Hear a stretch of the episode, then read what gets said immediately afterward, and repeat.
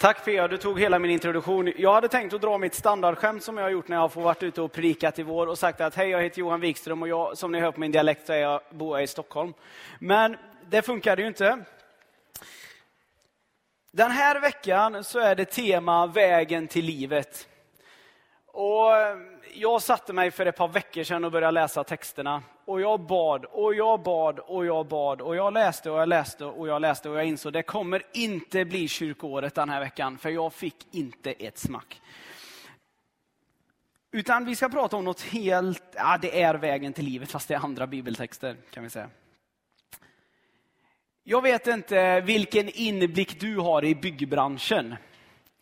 Du kanske är snickare, du kanske är byggnadshandlare. Eller så kanske du är som jag, uppvuxen i en familj där det förväntas att man ska vara duktig på att snickra, men tummen är tämligen centrerad. Du kanske har den bakgrunden. Jag eh, lutar mig dock i till att jag kan prata om byggnadsmarknaden och byggarbranschen på grund av att min bror är snickare och min fader har skapat precis allting. Så jag tänker att det går nog bra. När Gud skapade världen under skapelseberättelsen så skapade han något fantastiskt. Han skapade en relation, eller en, först och främst en fantastisk jord, men sen även en relation med, den, med människan. Han skapade Adam och utifrån det skapade han även Eva och de skulle leva tillsammans och befolka jorden. Det tror jag att de allra flesta är med på. Efter det så hände någonting. När människan blev så lockad av att få veta mer om världen och livet i sig än av relationen med Gud. Och man valde att äta frukten. Där och då så var det liksom, blev det så att det byggdes en vägg mellan människan och Gud. Det var som om den värsta utav Berlinmurar bara byggdes rakt emellan relationen.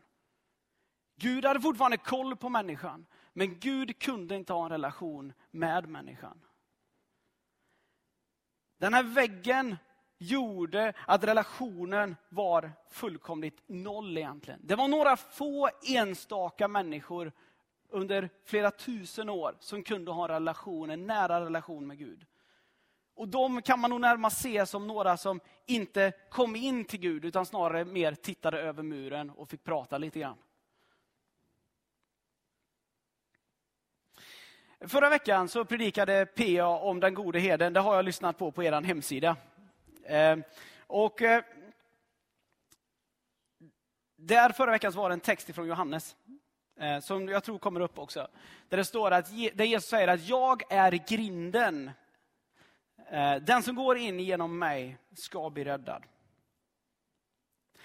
Och jag tänker att det här är en fantastisk bild om man ser även till den här väggen, den här inom situationstecken Berlinmuren som hade byggts mellan relationen. Jesus kom som en dörr som slogs in i den här muren. En dörr kan ju användas på rätt så många olika vis. Eh, men en grundtanken med dörr eh, har ju till och med jag kommit fram till att den är till för att öppna en öppning mellan två rum. Utan dörrar så blir det slutna utrymmen och sådär. En dörr kan användas för att stänga ute människor, en dörr kan användas för att öppna upp för människor. Det tror jag vi är med på.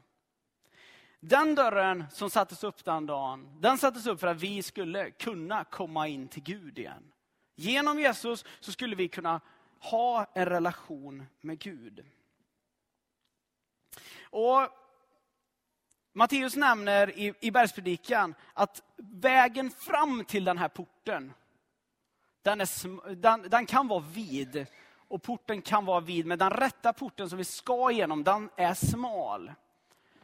Och jag vet inte eh, hur det är med dig, men när jag blev kristen när jag var 14 år gammal, då hade inte jag haft någon egentligen vidare koll på kyrkan innan. Det hade inte varit en aktiv del av mitt liv. Jag är inte uppvuxen i en kristen familj.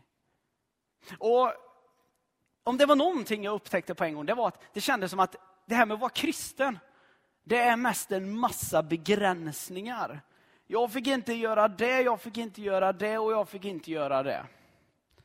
Kort och gott, alla de där sakerna som 14-15-åriga människor tyckte om att göra, kändes det som att jag inte fick göra.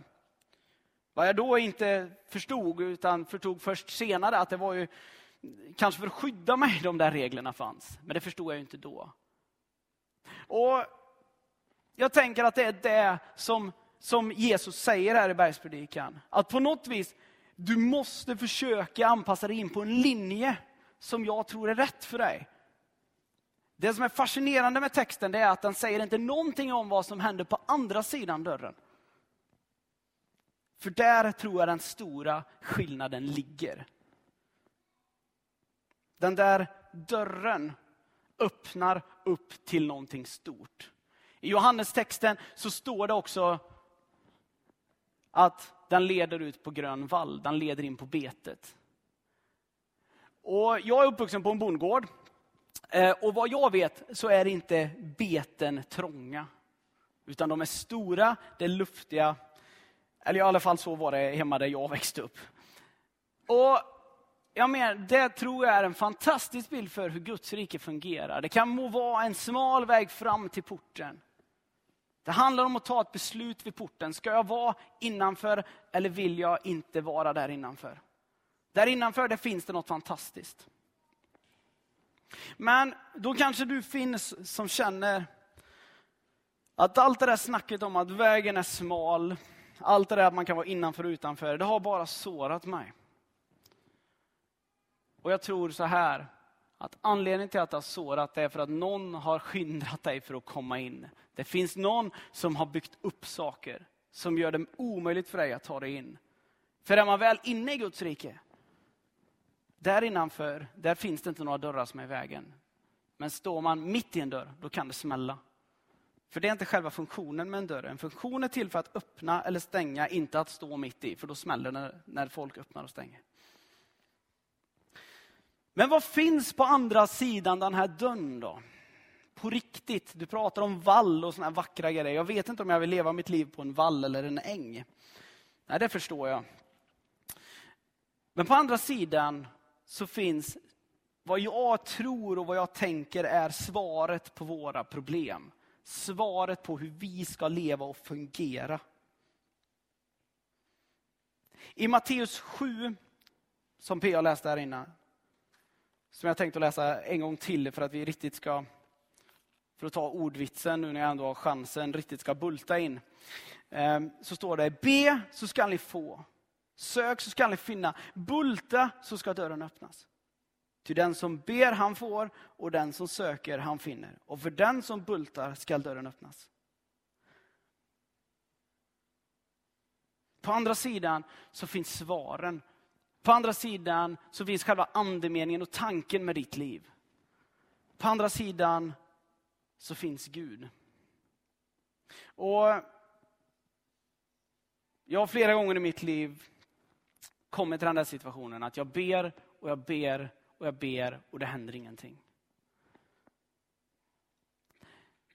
Vissa gånger så ber jag mer ihärdigt, vissa gånger inte särskilt ihärdigt för mitt liv för att få svaren på mina svåra frågor. Men några gånger så ber jag väldigt ihärdigt. Och den här texten, den säger inte att jag ska gå fram och, ni förstår symboliken nu, nej det fungerar inte, jag, jag slutar be nu. Den här texten, den säger att börja knacka. Och att knacka hårdare och hårdare och hårdare. Igår så predikade jag om Abraham lite snabbt. Jag insåg att jag inte pratade så mycket om Abraham efteråt, eh, som jag hade tänkt. Abraham var trofast så det tog i, kan vi säga. Rejält trofast. Han visar själva andemeningen och tanken bakom det här. Be, banka, slå. Om det så krävs att du närmast får slå in dörren för att få svar på dina frågor, för att få hjälp med dina böner, så fortsätt banka och be. Ge inte upp. För på andra sidan, dörren är alltid öppen för att komma in, men att få svar på sina böner, det kan vara betydligt bökigare.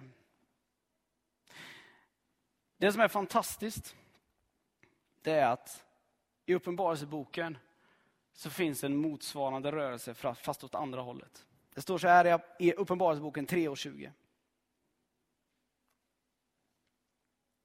Se, jag står vid dörren och bultar, det Jesus säger här. Om någon hör min röst och öppnar dörren skall jag gå in till honom och äta med honom och han med mig.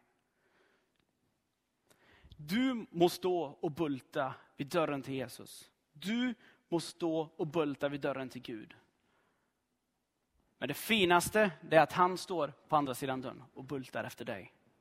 Och vill att du ska öppna. Och här kommer det jobbiga in med att vara kristen, tänker jag. Nu ska jag problematisera upp det här. För vad händer den dagen som jag väljer att kliva in genom dörren in till Jesus? Jo, det böka är, kan man se det, det är att du säger samma sak till honom, att du är välkommen in genom alla mina dörrar. Du accepterar att han kommer in i ditt liv och ser allt som inte är helt hundra. Alla dina misslyckanden, alla dina ånger, all din ångest, all din kval, all din sjukdom. Allt det där du vill dölja kommer bara rakt in. Han kliver rakt in i det. Det är det bästa som kan hända oss tror jag. Men det kan vara smärtsamt när det sker. Fadern längtar så han går åt. Han inser att människan kommer inte klara av att bryta sig igenom den här Berlinmuren. Det enda sättet för mig det är att skicka min son, som bildligt talat i den här liknelsen också är fascinerande nog blir snickare, så han får komma och bygga en dörr. Problemet var att för att bygga den dörren fick han offra sitt eget liv. För dig och för mig, för att vi ska kunna ha en relation, för att vi ska kunna gå in till Gud. Jag tror att vi alldeles för ofta bygger upp den där muren själva igen. Ibland, även i mitt eget liv, så känner jag hur jag närmast cementerar igen den där dörren. Jag gör det inte möjligt för mig att kliva in till Jesus.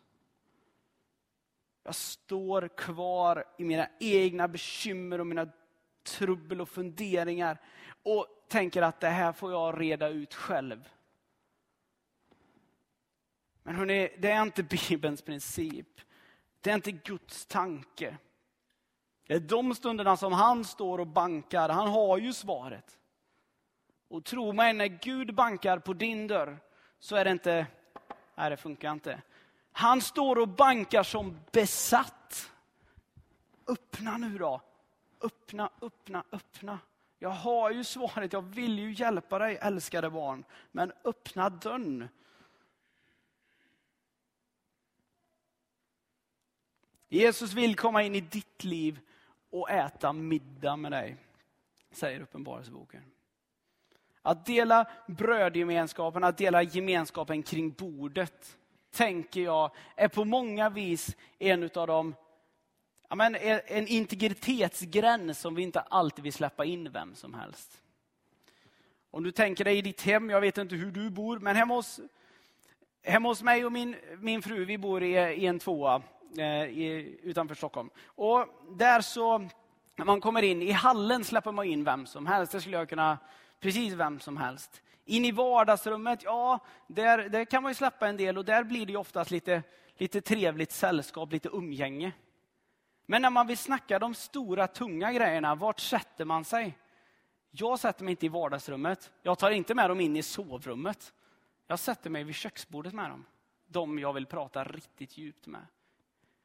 Och du kanske har något sånt här, du kanske bor mycket större och har någon väldigt trevlig eh, sittgrupp någonstans där du hellre gör det här. Men jag tror att det absolut vanligaste är där man har bekymmermötena. Där man brottas över saker och ting, det är vid köksbordet. Och det är Bibeln så medveten om. Det är Gud så medveten om. Så långt så att det sista, bland det sista Jesus uppmanar oss att göra är att fira brödgemenskap med varandra. För där visste han att där skulle vi avhandla våra bekymmer vid middagsbordet. Och där ska vi söka honom. Min uppmaning till dig idag, du kanske har, har haft en relation med Jesus väldigt, väldigt länge. Längre än vad du kan minnas nästan. Du kanske har haft en relation med Gud i något år, eller du kanske inte har någon relation med honom alls. Den där dörren, den finns garanterat rakt framför näsan på dig i ditt liv hela tiden. Gud vill att du ska öppna den och kliva in. Gud vill att du ska ta Jesus i handen och kliva in till honom. Vi behöver inte skämmas på något vis, men i början så kan det göra ont. Men älskade, älskade vän, jag ber dig, kliv in genom den dörren. Om det så är för hundrade eller tvåtusende gången eller för första gången eller vad det nu är. Kliv in genom den dörren. För där på andra sidan, där finns själva tanken med hur vi ska fungera. Återigen, det finns själva tanken. Där inne så utrustas vi med helig ande. Där inne så finns svaren på våra frågor. Där inne finns läkedom. Där inne finns det kraft. Där finns det tröst. Det finns allt det där som vi försöker hitta någon annanstans. För att avsluta där vi började, i skapelsen. Så tror jag att det finns en plats inom oss, ett litet utrymme. Läkarna påstår att det inte är så, för det finns ju inte något fysiskt utrymme. Men den plats som världen, vi i världen har kommit att kalla själ, eller vad vi nu väljer att kalla det. Jag tror att det finns en plats som vi kan välja att fylla med precis vad vi vill. Vi kan välja att fylla det med konsumtion. Vi kan välja att fylla det med vad vi än vill utav livets goda och behag. Den här möjligheten kom egentligen i och med att äpplet åts. Innan det så var det per automatik redan fyllt med helig ande, med Gud. Och det är det som är tanken med dig och mig. Och det finns på andra sidan, ja inte just den dörren kanske, men på andra sidan den där dörren i ditt liv.